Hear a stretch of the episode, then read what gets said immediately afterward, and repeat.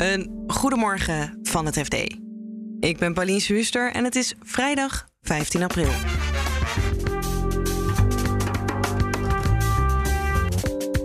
Modeketen CNA heeft een deel van zijn productie verplaatst van Azië naar Duitsland. Eigenlijk dachten ze daar dus al best wel lang over na in het kader van duurzaamheid. De AFM wil meer bevoegdheden om marktmisbruik op te kunnen sporen. Dit jaar heeft de minister Kaag eigenlijk al bijna alles gezegd van nou, dit vind ik best een eh, prima idee. En Elon Musk zegt dat hij Twitter wil kopen. Dit is de dagkoers van het FD. Elon Musk heeft het maar druk met Twitter. Gisteren kondigde hij aan alle aandelen te willen kopen voor ruim 54 dollar per aandeel, waarmee Twitter dan zo'n 43 miljard dollar waard zou zijn. Of dat een eerlijke prijs is, hoor je van beursredacteur Lennart Sandbergen. Ja, dat hangt er maar een beetje vanaf hoe je er naar kijkt. Het is ehm, een stuk meer, het is 25% meer dan wat het aan het begin van het jaar uh, kostte per aandeel op Twitter. Ja. Maar tegelijkertijd kostte een aandeel Twitter een jaar geleden nog 70 dollar. Dus als je het daarmee gaat vergelijken, is het uh, vrij weinig. Zou die niet minder hebben kunnen bieden? Nee, dat waarschijnlijk niet. Het is, uh, ja, iedereen heeft wel een beetje door dat techbedrijven door een soort moeilijke periode gaan. Veel aandelen staan wat lager dan dat ze vorig jaar stonden. Maar tegelijkertijd heeft iedereen wel in zijn hoofd van, nou, het is eigenlijk wel iets meer waard dan dit. Dan zou je denken, je wil uiteindelijk ook de kosten weer terugverdienen. Kan dat goed met Twitter? Nee, Twitter is niet een heel winstgevend bedrijf. Het is, uh, ze hebben het eigenlijk heel moeilijk al jaren met hun businessmodel. Daar zitten ze heel erg mee te uh, zoeken. Het, grote probleem van Twitter is dat ze uh, advertenties hebben om hun winst mee te maken. Alleen ja, adverteerders zien het niet zo zitten in adverteren op Twitter, omdat het gewoon niet zo effectief is. Iedereen zit op Twitter voor de, voor de teksten.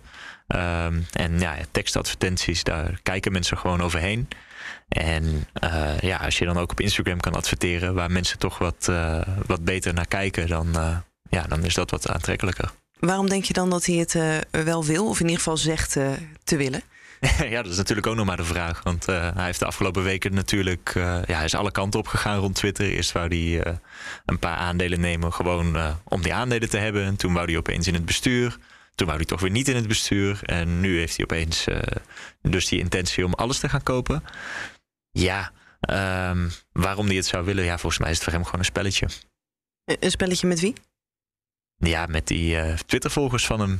Ja, dat hij eigenlijk een beetje een soort wil opjutten van uh, ik ga eens iets geks doen. Ja, zo, dat idee heb ik wel een beetje. Want ik zie niet echt, er is niet echt een andere logische verklaring voor waarom hij dit zou willen. Je kan het niet verklaren door gewoon uh, rationeel te denken, zeg maar. Ja, hebben we een idee hoe serieus we dit bot nou moeten nemen? Ja, dat kan je wel een beetje over speculeren. Wat je in ieder geval weet is dat, nou ja, dat kost hem echt wel heel veel geld om dit over te nemen. En zelfs Elon Musk heeft niet zomaar 30 miljard op zijn bankrekening staan om, uh, om dit even af te tikken. Dus ja, als hij dit echt wil, dan moet hij best wel wat aandelen uh, wat, die hij heeft in Tesla verkopen. En ja. het is maar de vraag of hij uh, nou ja, daar de controle wil opgeven om de controle te krijgen over zo'n sociaal netwerk waar hij uh, in zijn vrije tijd net te veel tweetjes op stuurt. Ja, weet wel wat Twitter ervan vindt? Ja, die hebben heel keurig een verklaring op een website gezet. Niet eens in een tweetje. Maar daarin zeiden ze van, nou, we gaan dit bot bestuderen. Door dat geluid van die naaimachines. En je ziet al die mensen met die tafeltjes. En je denkt, oh, dit is echt wel een textielfabriek zoals ik me die had voorgesteld. Hoe langer we daar rondliepen, hoe meer we zagen dat er ook wel hele geavanceerde machines tussen uh, stonden. En dat de reden dat er zoveel handwerk was gedaan ook wel dat er nog een heleboel machines niet binnen waren of nog geen chips hadden, nou, omdat er zo'n groot chiptekort is. Je hoort verslaggever Lisa van der Velde, die vertelt over München-Gladbach, een oude textielstad in Duitsland waar nu ook een nieuwe fabriek van CNA staat. Lisa legt uit waarom de modeketen een deel van de productie terug naar Europa heeft gehaald. Ja, eigenlijk dachten ze daar dus al best wel lang over na in het kader van duurzaamheid. Uh, nou ja, elke kleding- en modeketen is natuurlijk uh, tegenwoordig bezig met uh, hoe duurzaam is het wat ik doe. Nou, het antwoord daarop is meestal bedroevend, want textielfabricatie kost gewoon enorm veel water, enorm veel chemicaliën. En dan verscheep je het ook nog vanuit Azië. Um, dus zij dachten er al langer over na. Ze dachten, nou, we gaan het proberen. En ze zijn toen naar München-Gladbach getrokken en hebben daar een oud fabrieksterrein uh, gevonden. Waarin ze ook echt in een oude textielmachinefabriek ja, weer spijkerbroeken konden gaan maken. Maar dan wel alleen de duurzaamste soort spijkerbroeken. Dus het grootste deel wordt nog steeds in Bangladesh gemaakt. Maar een klein deel, uh, en die worden ook echt zo in de markt gezet als made in Germany. Uh, spijkerbroeken, uh, ja, die komt nu ook echt daar vandaan. En um, ja, dat is wel een heel ander vak wat ze daar aan het doen zijn. Ja, en ik kan me voorstellen ook een heel ander prijskaartje. Ja, klopt. Want het is, die fabriek is dus klima klimaatneutraal. De stof is uh, biologisch afbreekbaar, katoen. Um, het proces is met minder water en chemicaliën. Nou goed, allemaal duur, duur, duur. Dus die broek is uiteindelijk 60 euro in de winkel. Is op zich natuurlijk nog steeds niet uh, enorm duur, maar wel veel duurder dan de gemiddelde CNA spijkerbroek. Want eentje uit Bangladesh is denk ik 30 euro. Heeft de CNA dat een beetje ingeprijsd als in? Hebben zij de verwachting dat de consumenten daar nou ja, zoveel extra voor willen betalen? Ja, die gok hebben zij wel genomen. En uh, zij denken wel dat dat uitmaakt en dat mensen steeds meer behoefte krijgen aan uh, lokaal kopen. Ook steeds meer inzicht hebben in um, hoe vervuilend het eigenlijk is.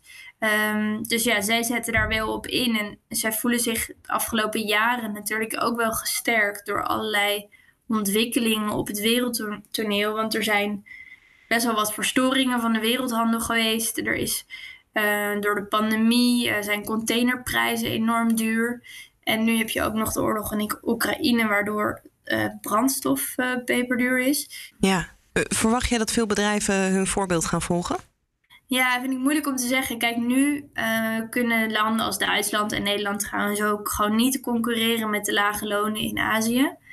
Um, maar wat ik al zei, in die fabriekshal stonden ook wel hele geavanceerde machines. En um, als die op een gegeven moment het tempo hebben wat ze kunnen. Dus er was daar bijvoorbeeld een machine die per uur 2000 broekzakken aan een broek kon doen. Uh, ja, kijk, als je voor elk klein stukje in dat productieproces zo'n machine hebt en die investeringen gaan zich op een gegeven moment uitbetalen, ja, dan kan ik me wel voorstellen dat je voor een deel van je productie en dan is vooral de duurzame, hoogwaardige uh, lijnen binnen jouw uh, collectie, um, dat toch weer terug gaat verhuizen. Want daar komen wel steeds meer redenen bij. En de autoriteit Financiële Markten wil handelen met voorkennis en andere illegale beurspraktijken voorkomen. En daarom vragen ze de minister om meer bevoegdheden. Beursredacteur Pim Brasser vertelt wat de waakhond allemaal wil kunnen. Een van de dingen die ze willen doen is ze willen een soort uh, kliksbaan, een uh, beloning willen ze, willen ze kunnen uitloven. Ja. Omdat het is nu heel, uh, heel moeilijk om bijvoorbeeld handelen met, met voorkennis op de beurs. Om daar bewijs voor te leveren. Want ja, dan moet je dus gaan bewijzen dat iemand al wist dat er iets zou gebeuren wat de koers zou veranderen. Ja, en dat zij... gaan ze je natuurlijk niet vertellen. Nee, dus dat is heel erg moeilijk om, daar, uh, om dat aan te pakken. En uh, nou ja, zo'n uh, zo'n zak geld voor iemand die het, dan, die het dan aan ze doorgeeft, dat zou volgens hen helpen. En minister Kaag die ziet er ook wel wat in. Want, want worden er momenteel, want je zegt al, het is heel lastig, momenteel überhaupt veel boetes voor opgelegd voor dit soort misbruik van de beurs? Volgens mij zeer weinig. En dat, dat geldt bijvoorbeeld ook voor. Voor short posities. Als iemand dus uh, speculeert op, dat een uh, koers zal dalen, dan, uh, dan moet je dat doorgeven aan de toezichthouder. Als dat niet gebeurt, dat is ook heel erg moeilijk om, om dat na te gaan. Dus ook daarvoor worden heel weinig boetes opgelegd. En nou ja, dit soort marktmisbruik. de AFM zegt van ja, wij hebben hier qua kennis echt een slechte positie. En tipgeld, dat zou het moeten verbeteren. De AFM zegt dus: het is voor ons heel lastig om op te sporen. Dus tipgeld is een van de mogelijke oplossingen. Maar ze willen zelf ook anoniem gaan meehandelen, toch? Ja, dat, uh, dat lijkt me eigenlijk best wel, best wel spannend. Je ziet dat, dat geheime diensten dat natuurlijk op sociale media en dit soort dingen doen. Maar de AFM die wil ook nou, kunnen uitproberen of je bij een beurs of een broker... of je daar kunt handelen zonder dat er, dat er illegale dingen gebeuren. Het probleem daarbij is alleen dat je bij zo'n handelsplatform vaak je bankrekening moet laten verifiëren. En dan staat er dus heel groot AFM.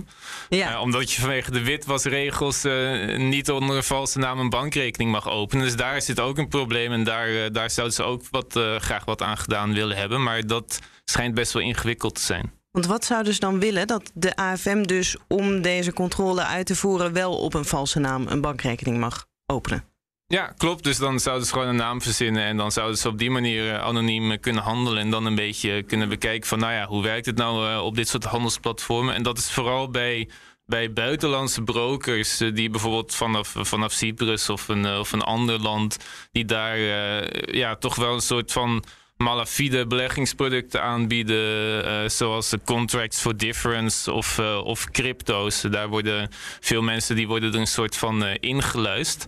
en die brokers die zijn onbereikbaar, die houden de deuren dicht. Dus bij dat soort malafide partijen zou het heel handig zijn als je dan gewoon zelf een keer kunt uitproberen en op die manier bewijs kunt verzamelen. Ja, ik vind het eigenlijk wel opmerkelijk dat ze dat inderdaad nog niet kunnen doen? Want het klinkt zo logisch dat de toezichthouder nou ja, op de een of andere manier meekijkt met hoe het ruilt en zelt. Ja, ze krijgen ook wel veel, veel data binnen. Dus het is niet zo dat ze dat, uh, dat, ze dat helemaal uh, niet doen. Uh, maar wat ik dus al zei, bij, bij sommige partijen die echt de deur potdicht proberen te houden, daar, daarvoor kan het zeker een toevoeging zijn elk jaar komt de AFM dus met zo'n lijst van dingen die ze willen kunnen doen. Ook dit jaar weer. Um, is de minister het eigenlijk met alles wel eens dat ze dit zouden mogen kunnen doen? Dit jaar wel, ja. En dat, dat is ook wel opvallend, want heb, vorig jaar heb ik ook uh, geschreven. Toen uh, vroeg de AFM eigenlijk van ja, we willen heel erg veel meer uh, data willen wij geautomatiseerd binnenkrijgen van allerlei obligatiebeurzen en nou ja, van, eigenlijk van banken, van alle partijen. en, en dat is natuurlijk enorm ingrijpend en daarvoor moet ook veel worden, worden aangepast in de wet. Dus daarvan zei minister Hoekstra destijds van nou ja, dit vind ik wel heel ingewikkeld en we zitten met privacy dingen en voldoet het wel aan de Europese Europese privacywet. Dus dat is, uh, daar waren ze heel terughoudend in. En dat is iets voor de lange termijn. Maar in uh, dit jaar heeft uh, minister Kaag eigenlijk al bijna alles gezegd van nou, dit vind ik best een prima idee.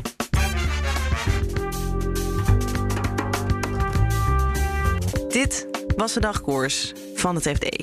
Op fd.nl lees je meer over de CNA-fabriek in München-Gladbach, over Elons poging om Twitter te kopen en over de nieuwe bevoegdheden die de AFM wil en je volgt daar natuurlijk het financieel-economisch nieuws.